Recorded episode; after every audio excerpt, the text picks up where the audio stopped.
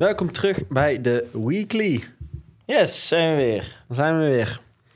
Interessant gesprek met Olivier. Slimme Ja. gast. ja, we proberen eigenlijk alleen maar slimme gasten te regelen. Zo. Nee, dat snap ik. Maar ik ben- ik sta er toch elke keer weer versteld van. Dat ik denk, nou... Ja, nee, eh, Olivier is wel iemand die in Nederland wel eh, al hele lange tijd eh, heel goed werk eh, verricht hieromheen. En niet alleen in de praktijk eh, brengt, Mhm. maar dus ook echt onderzoek naar doet. Eh, dus ja, hij wil dus uiteindelijk dus ook promoveren. En hij werkt dus inderdaad ook samen met MIT en even naam kwijt, maar universiteit uit In? Zwitserland. ja. Dus die, nee, die, eh, die, die weet weet wel hoe het zit. En wat ik heel leuk vind, ook aan Olivier, is hij is ook echt wel ja, een soort van eh, developer. Dus die, die, kan, Ja. die duikt ook echt de code in en die gaat regel voor regel gewoon bekijken hoe dit nou echt zit. Ehm, dus ja, I call bullshit. Dat, eh daar kan Ja. hij heel goed op een hoop, eh, hoop dingen. En dan, ik vind het dan ook wel grappig om te horen dat hij vertelde van, hè, dan wordt hij gevraagd als gastspreker op een NFT-congres. En dat, dat hij dan ook van tevoren wel even moet aangeven van, ja, kan zijn dat heel veel mensen hier eh, halleluja roepen. Ehm, maar dat ja, Ga ik dat niet doen. Ga ik niet doen, zeg maar. Ja. Dus eh, ja, hij is gewoon heel eh, down to, to earth en zit heel erg in de inhoud. Leuk, leuk gast. Ook wel vet om te horen dat er dus al ook op dat gebied zoveel dingen gebeuren. Als in, ja, wat ik al zei, voor mij is dit een beetje een van de hoeken waar ik het minst kom, denk ik, in die DAO-structuren. Ehm, dus dat is voor mij wel leuk om te horen van wat er allemaal gebeurt. Wat er ook vooral nog moet gebeuren. Als in, eh, het is best allemaal nog fragiel als ik het zo hoor. Ook omdat het gewoon een heel complex iets is. Ehm, want vooral als je het in de praktijk gaat doordenken, wat we toen straks al kort deden met die VVE's of die tennisverenigingen. Of als je zo gaat denken, je loopt zo snel tegen problemen aan. Ja, ja en nee, vind ik. Ja, heel veel dingen kunnen misschien wel eh, opgepakt worden door zoiets. Nou, wat mij eigenlijk wel opvalt aan heel veel dingen eigenlijk in de, in de crypto space, om het maar eerst Mhm. even breed te, te nemen voordat we verder inzoomen, is het klinkt allemaal als het wilde westen, hè? alsof er geen regels zijn. Ja, Maar ja, ik noem maar wat, iemand oplichten, daar staat gewoon in de wet, dat Ja. mag niet. Eh, belasting betalen moeten we allemaal. Dus op best wel een, een wat abstracter niveau is, is veel wetgeving en, en fiscaliteit en al die dingen allemaal al wel ingericht. Wat eigenlijk gewoon prima toepasbaar is op eh, crypto of, of Ja. Web3. En dat zie je nu denk ik ook met die, met die DAO's waar we het over hadden. Ja, het is een nieuwe manier van organiseren. Ja, het brengt ook nieuwe functionaliteit en mogelijkheden met zich mee. Maar ja, wat Olivier denk ik ook zegt, in de hype is de belofte heel groot. Maar in de praktijk zie je eigenlijk van ja, er zijn een aantal nieuwe use cases mogelijk. In sommige situaties kan dat werken. Maar in heel, heel veel gevallen, als je dus echt goed gaat kijken naar hoe die DAO's georganiseerd zijn, dan zijn het of volgens de niet nader te definiëren definitie eigenlijk geen DAO's, want ze zijn niet decentraal genoeg of autonoom. autonoom genoeg. Of... Ja, En aan de andere kant zie je heel vaak dat er achter een DAO gewoon een bedrijf schuil gaat, gaat een, een BV of een, of een corporatie of, of wie dan ook. Dus er is gewoon een, een legal entity, er is gewoon een juridisch framework waar je op kan acteren en waar je terecht kan. En, Ja. en je dus eigenlijk gewoon ja, deelnemer bent in de, in de economie en daar ook eh, voor risico en rekening eh, in zit. Dus ja, ik vond wel mooi dat hij wel heel goed in perspectief plaatst en ook wel een beetje nuanceerde van ja, dit breng- brengt een hoop nieuwe dingen mogelijk, maar is waarschijnlijk maar in een beperkt aantal scenario's echt zinvol. En verder is het vooral een soort van digitalisering op heel veel dingen die we nu al hebben, ja. wat heel veel efficiëntie gaat brengen. Ehm, dus ja, volgens mij in de algemene zin is dit ook weer een voorbeeld. Nee, dit gaat niet weg. Ja, dit wordt alleen maar meer en meer. Ja. Maar al het angstzaaien eh van het, het is straks allemaal compleet gedeorganiseerd. Nee. geloof ik ook niet. Het zal een mix worden. ja, Dat denk een ik. gezonde mix worden van eh, menselijke interactie met eh de gebruik van... eh, Dat denk ik ook. ik, ik- denk ook dat daar bijvoorbeeld eh, AI aan gekoppeld gaat worden. Als in, we kregen toen straks over eh, die, dat VVE-voorbeeld... dat je dan kunt stemmen van we moeten offertes aan gaan vragen. Ja, die offertes moeten aangevraagd worden. Daar zou je dan bijvoorbeeld AI of zo kunnen aan koppelen. Van schrijf eh, de drie uh, dichtstbijzijnde schilderbedrijven aan... eh, om een offerte op te vragen of zo, weet je wel. Want dat zijn nu nog taken. Stel je zou nu een DAO beginnen met je VVE... Ja, die taken moeten nog steeds door Jantje of Pietje uitgevoerd worden. Ehm, dus Ja. de- dat is toekomstmuziek voor nu. Maar ehm, ja, ik sluit niet uit in de toekomst dat dat wel zo gaat zijn. Ja, zeker. En ehm, hè, Olivier gaf ook aan dat hij dus eh, gisteren bij een eh, bijeenkomst was... wat volgens mij georganiseerd was door de Kamer van Koophandel Ja, of toen georganiseerd als... Ja, wel trouwens, volgens mij. in. Amsterdam. Ja. en dat daar ook gewoon ja, enorm veel ehm, belangstelling voor is. En als je ook kijkt naar wat voor partijen daar eh, dan zijn... Hè, dan zie je ook dat het de Rijksoverheid en de Belastingdienst... en de Ja. Kamer van Koophandel en banken en, en mensen van eh EY eh, daar zijn. En volgens mij ook een hele groep eh, mensen rondom bijvoorbeeld Marloes Pomp... eh, die, die ook heel erg in, in, in dat netwerk bewegen. Dus er wordt echt al wel veel over gesproken. Ik had afgelopen week nog zoiets dat ik dacht... Ja, dit gaat ook ooit... Of, of dan... Ja, ik denk dat je het dan ook een, een bizar grote DAO moet gaan noemen. Maar het hele land, zeg maar. Dat stemmen, weet je wel. Dat mo- moest weer gestemd worden. Ik dacht, dit is... Hoezo kan ik dit niet vanuit mijn laptop doen? Ik vind dat zo raar... dat ik nog steeds een brief thuisgestuurd moet krijgen... met zo'n stembiljet. Dacht, dit moet toch ook gewoon naar... Ja, uiteindelijk als je je online identity hebt... moet je toch gewoon kunnen... Ik heb toch al een DigiD? Daar moet ik toch gewoon mee kunnen stemmen? Ja, dus ik, ja, we hadden dit eigenlijk Olivier moeten vragen. Eigenlijk wel, nu ik erover denk, nadenk. Ik denk inderdaad wat je zegt is, dit heeft meer met identiteit te maken. Dan, ja, ik zeg of het dan, een DAO is, daar weet ik niet dan per met se. een DAO. Maar het feit dat je dus... ehm, we moeten allemaal een stem uitbrengen. En dat moet dus nog steeds door middel van een stembiljet. Moet ik naar een fysieke locatie. Ja. Kan toch eigenlijk helemaal niet meer, joh. In deze tijd. Of het kan wel, maar het is niet... eh, het, het moet anders. Nou ja, het zou denk ik heel goed anders kunnen.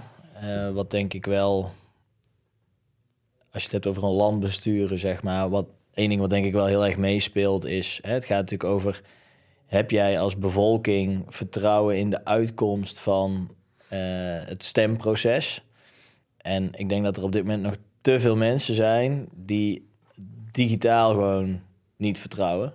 Denk je? Ja, denk echt. Dus, dus Ja? ja, ik denk ook, ook dit weer, we hebben het veel vaker gezegd in de podcast. Ik denk dat dit soort ontwikkelingen ook door generaties gedreven worden. Dat op den duur zullen er meer dan genoeg volwassen Nederlanders zijn die het volste vertrouwen hebben in de blockchain, die ook weten hoe ze dat kunnen verifiëren. En dan wordt zoiets wel werkelijkheid. Maar ik denk dat, dat virtueel stemmen via een, een digital wallet, dat dat nog best wel Ja, maar het zou eh, toch beide kunnen voor nu? ligt. Als in laat mensen die dat niet vertrouwen, laten hem een stembiljet doen. En maar mensen die zeggen, ik wil niet de straat op. Ja, precies. Ja, geef zou, die, geef ja. die via DigiD een mogelijkheid. Of, Ja, eh, tussenvorm voor nu. is mogelijk. Ik denk ook, tenminste wat bij mij opkomt, is hoe eh, banken steeds verder digitaliseren. Ja. Er komen steeds minder bankkantoren. Bijvoorbeeld, Steeds meer zelf, maar... Maakt het denk ik de opkomst ook veel hoger. Want nu mis je heel die jeugd. Want die gaat gewoon niet naar zo'n loket toe. Die zegt gewoon, ja, ik, ik zit te Xboxen. Ja, Toch? ja het, is, het is denk ik een, vakgebied op zichzelf, of ja, een Ja. vraagstuk op zichzelf. Maar ik snap wat je bedoelt. Ik, ik denk wel dat we daar ergens uh, naartoe. Zijn we wel aan toe, denk ik. Ehm, Wat ik ook nog eh, tof vond, ja. misschien afsluitend. Ik loop hier die mute-knop constant in te rammen. Ja, en ik vraag me af of het echt helpt. nou ja, het is Ehm, zachter. Wat ik ook wel heel interessant vind, ehm, is dat je een DAO misschien ook meer zeg maar, kan gaan inrichten als een stukje publieke infrastructuur. Hè? Dus meer Mhm. op, als, een, als een protocol. En nou denkt de luisteraar misschien een protocol. Ja, je had het op het einde met... eh, ja, op het einde hadden we het er even over. Dus hè, voor de, de, de tech-savvy mensen onder ons, eh, die hebben misschien wel eens gehoord van SMTP als protocol. Nou, SMTP, dat is iets dat, dat is een, een onderdeeltje van het internet. Dat kan iedereen gebruiken. En wat SMTP gewoon doet, is het zorgt dat een e-mail wordt verstuurd. Dus dat is een stukje infrastructuur. Dat is van niemand. Dat is gewoon onderdeel van het netwerk. En dat heeft een bepaalde functie. En dat doet iets. Ehm, en in die context van DAO's zie ik ook wel dat er dus een soort van DAO's ontstaan, die, waar dus geen bedrijf of iets achter zit. Dat wordt gewoon echt een, ja, een stukje tooling, zeg maar, infrastructuur voor het internet, voor Web3. En dat, ja, dat, dat handelt gewoon eh, een stukje uh, ja, een bepaald proces af, zeg maar, voor wat we nodig hebben. Dus het kan een soort bouwsteen zijn voor mensen die hierin op werken. Dus even hardop denkend, misschien is dat wel het, uh, het ondertekenen van documenten of zo. Dat je gewoon zegt van, Ja. als je iets wil timestampen waarvoor je nu naar een notaris gaat, Stuur het maar daar naartoe. stuur het naar, naar dat protocol toe. En Ja. die, eh, die zet er een, eh, stempel op. Die hangt het aan de blockchain. Die mint er een NFT op. En die stuurt dat certificaat of zo eh, terug. Hm. Eh, zoiets. Hm. Beetje abstracte materie, mensen. Maar het is wel... eh, Voor de mensen die eh tech-savvy zijn, die kunnen er denk ik wel bij. Met hun hoofd. Oké. Eén topicje die ik van deze week wou bespreken, of waar ik eigenlijk naar wou vragen, want volgens mij weet jij er meer vanaf. Ehm je hebt er volgens mij ook iets over gepost op LinkedIn, zag ik, over dat Microsoft, moet ik het goed zeggen, Eh, hebben ze het geïmplementeerd al in Edge? Ja, volgens mij, je hebt van die, die onderzoeksjournalisten. en daar zitten ook gewoon goede developers bij. En die houden allemaal een beetje in de gaten wat er Mhm. in die techwereld gebeurt. En eh, een van die, eh, die onderzoeksjournalisten, die had dus een, een, eh, een testversie van eh, Edge. Dus dat is de webbrowser van Microsoft. Hè, dus je hebt Safari van Apple en je, je, hebt, Firefox. je hebt Firefox, en je hebt Chrome van Google. En zo heeft Microsoft heeft dan Edge, wat ze standaard erin hebben zitten. En dat was dus een, een, een testversie, dus een beta-versie. Dus daar kan nog van alles in veranderen voordat die naar het grote publiek gaat. Ehm, maar die, die onderzoeker die kwam er dus achter dat in die eh, beta-versie van de Microsoft Edge browser, dat daar dus, jawel mensen, gromgeroffel, een, eh, Wallet. een non-custodial crypto wallet was ingebouwd. Een Dus- non- non-custodial crypto wallet. Misschien moet je die even... eh, Ja, dus ehm, ehm, we hebben het ook al vaker over gehad in de podcast. Van ja, wat is nou een soort van nodig ehm, om adoptie eh, te, eh, Mhm. te versnellen en eigenlijk de Web3-beweging te versnellen? Nou, dat kunnen verschillende dingen zijn, maar een van de dingen die je toch wel heel vaak terug hoort, is dat gebruikers, dus nou, wat is het, 8 miljard mensen op deze planeet, die moeten een soort van bekend gaan raken met het, het concept van een wallet hebben. Dus een, een virtuele portemonnee, een soort kluis. Daarin bewaar je je geld, dus je cryptocurrency. Daarin eh, bewaar je je identiteit, dus je, je ID-kaart zit daarin. Maar je klantenkaart van de HEMA zit daar ook in als NFT. En, hè, dus alles wat jij in Web3 soort van straks online doet, alle interacties die jij aangaat, je hebt ook geen accounts meer bij Mhm. allerlei websites, je communiceert vanuit die wallet. Maar de bottleneck is een beetje, is wat is een goede wallet? En hoe zorgen we dat iedereen zo'n wallet krijgt? Nou, er zijn, de, daar kun je dan eigenlijk denk ik twee dingen over zeggen. Eén, er komt een nieuw bedrijf op de markt die zegt, hey, wij zijn een eh, walletbedrijf, we hebben de allerbeste wallet, heel veilig. En dat moet dan een soort van via mond-tot-mond reclame gaan. Metamask eigenlijk. Wat Metamask bijvoorbeeld is, hè, dat mensen dat Ja. gaan installeren. Een andere route zou kunnen zijn dat je een partij die al heel veel marktaandeel heeft, en dan denk ik als eerste aan een WhatsApp of aan een Apple. Twitter of aan een Apple, dat die dus in één keer gewoon zo'n wallet uitrollen eh, in een ecosysteem. Dus iedereen die WhatsApp op de telefoon heeft, heeft opeens ook een wallet. Nou, dat zou een zo'n soort ontwikkeling zou die adoptie van wallets heel erg kunnen verhogen. Mhm. Aan de andere kant heb je heel erg een discussie van... Ja, van wie, zijn die, van wie is die wallet? Is dat dan een wallet wat eigenlijk eigendom is van het bedrijf die dit uitgeeft? Oftewel zit er weer een centrale partij met zijn tengels tussen... Ja, waar we eigenlijk vanaf willen? dus eh, Microsoft in dit geval zou dat zo zijn. Of ben jij hè, dus een non-custodial wallet? Dus, dus zijn het echt wallets die dus niet van eh, een gecentraliseerde partij zijn. En dat je dus echt heel, helemaal zelf-soeverein kan zijn, self-sovereign. Dus dat je echt een soort van baas wordt over je eigen dingen. En dat je dus er daar ook niet aan vastzit. En Microsoft hint hiermee dus eigenlijk niet alleen op dat ze een wallet over, weet ik het, 2, 3 miljard eh, computers willen uitrollen, die allemaal dus Edge hebben, want daar wordt het onderdeel van. Maar ze zeggen ook nog eens, hey, wij gaan daar niet tussen zitten. Dus het is geen wallet van Microsoft. Hm. Het is een non-custodial wallet. Het is jouw eigen wallet, Hm. die je dus ook gewoon uit Edge kan halen en in Chrome kan importeren of in MetaMask kan importeren. Althans, even, hè, Ja, ja, zo zou voor, het dan we nu weten. zo zou het dan eh, moeten werken. Hm. En wat ik hier zelf mega interessant aan vind, ehm, los van heel deze ontwikkeling die ik al interessant vind, is eigenlijk een beweging die ik al wat langer gaande zie. En dat is Google is een soort van, ja, hè, die is untouchable. Dat is gewoon de grootste speler bijna online. Ehm, Microsoft was dat vroeger heel erg. Die hebben enorm veel marktaandeel eh, verloren. En dan heb ik het echt over, eh, over tien jaar geleden. Vooral met die browser toch ook? Ja, vroeger zat iedereen op Internet Ja. Explorer. Vroeger, vroeger had iedereen alleen maar Windows computers. Nou, toen kwam Apple al aan en toen ging iedereen naar, naar Firefox toe, want dat werden de betere browsers. En eh, heel veel bedrijven die draaiden eh, op locatie, dus on-premise draaiden zij servers. Met Hm. Microsoft Server, waar ze hun bedrijf op runden. Nou, heel veel bedrijven, toen alles naar de cloud ging, gingen mensen ook weer naar ehm, alternatieven toe als Amazon, AWS ja. of, of Google of wat dan ook. Dus Microsoft heeft best wel te voortduren gehad de laatste jaren. Maar ze hebben ook al de laatste jaren ja, is ook wel een enorme slag eh, gemaakt. Hè? Azure is volgens mij een heel goed product AI. van hun. En recent dus zijn zij dus inderdaad met hun AI-bot gekomen.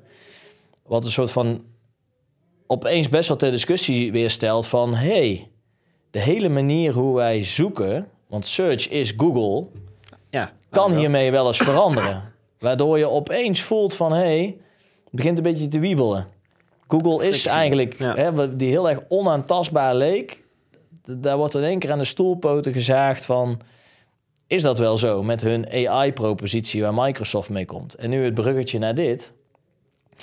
Wallets, dus Web3, maken het internet heel veel meer private. Privacy komt weer terug. Oftewel, het wordt heel veel moeilijker voor adverteerders om advertenties te Hmm. targeten.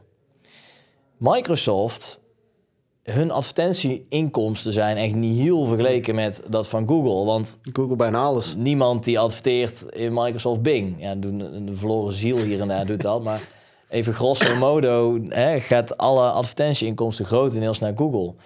Dus Google zal wel, in mijn optiek dan, de laatste partij zijn die denkt... hey, laten we eens een, een wallet gaan introduceren in de Chrome-browser... die ook nog eens non-custodial is. Dan, dat is, als je zeg maar jezelf in je, in je, in je voet wil schieten... Bam. dan is datgene wat je moet Met doen. een shotgun. Maar dit is dus precies, denk ik, ook weer zo'n vorm van game theory. Hè? Dus de, de, de functionaliteit ontstaat. Wallets zijn er, blockchain is er, privacy komt meer in. Ja, wie wil dat? Ja, heel veel partijen willen dat niet. Google wil dat zeker niet. En Microsoft denkt nu, maar dit is onze opportunity. En ik Ja. zie dit dus weer als een aanval op de gevestigde orde als Google.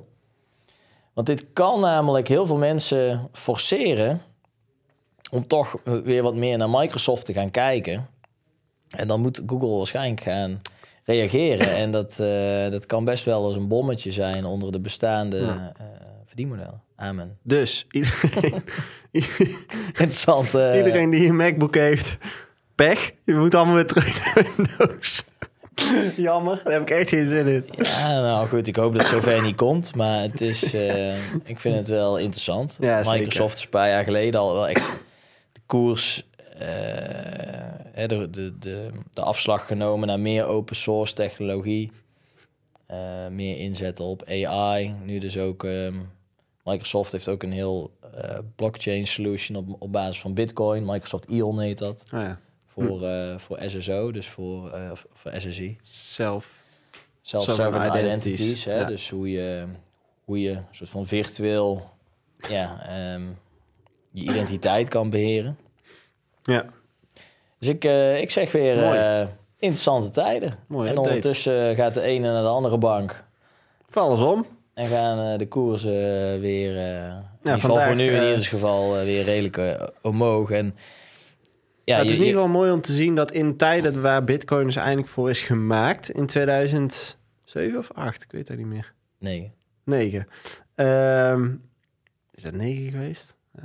Maar ehm, dat juist waarvoor het is gemaakt, dat nu het dus eindelijk weer gebeurt, dat het dus floreert eigenlijk. Vind ik wel mooi om te zien.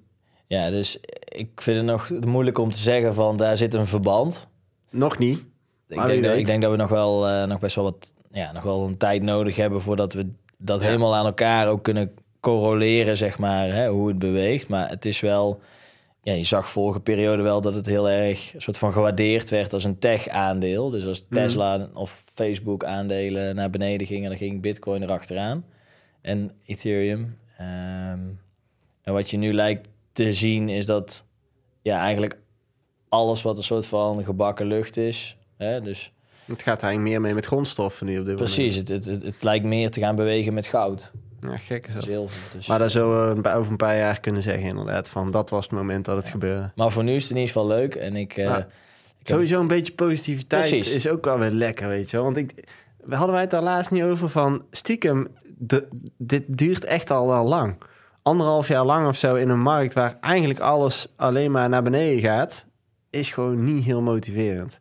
Maar dan kom ik nu eigenlijk pas achter dat ik denk... Jezus, het is lang geleden dat ik dit gevoeld heb. when there's blood in the street, buy property, zei ze vroeger. Ja, of never waste a good crisis. Ja. Ja, ik denk dat eh, ik denk dat eh, dat wel is in ieder geval wat wij, eh, wat wij proberen te doen. Ik bedenk me nu daarbij voor die, voor die weeklies nooit een disclaimer geven. Maar bij deze geef financieel advies. Ja? Mooi, ook gedaan. Ehm dat was hem, hè? Zeker. Mooi. Dan zien we jullie volgende week weer. Volgende week hebben wij eh, een psycholoog te gast. Oh, Dus gaan wij wat dieper de psyche in. En eh, eens even kijken wat al deze technologie met ons doet. Onze domme apenbreinen. Ja, Dus ehm, we zijn volgende week terug. Bedankt voor het luisteren. En vergeet deze podcast alsjeblieft niet te reten of te delen met je vrienden en familie. Helpt ook altijd. collega's. Collega's. Dankjewel. Yo.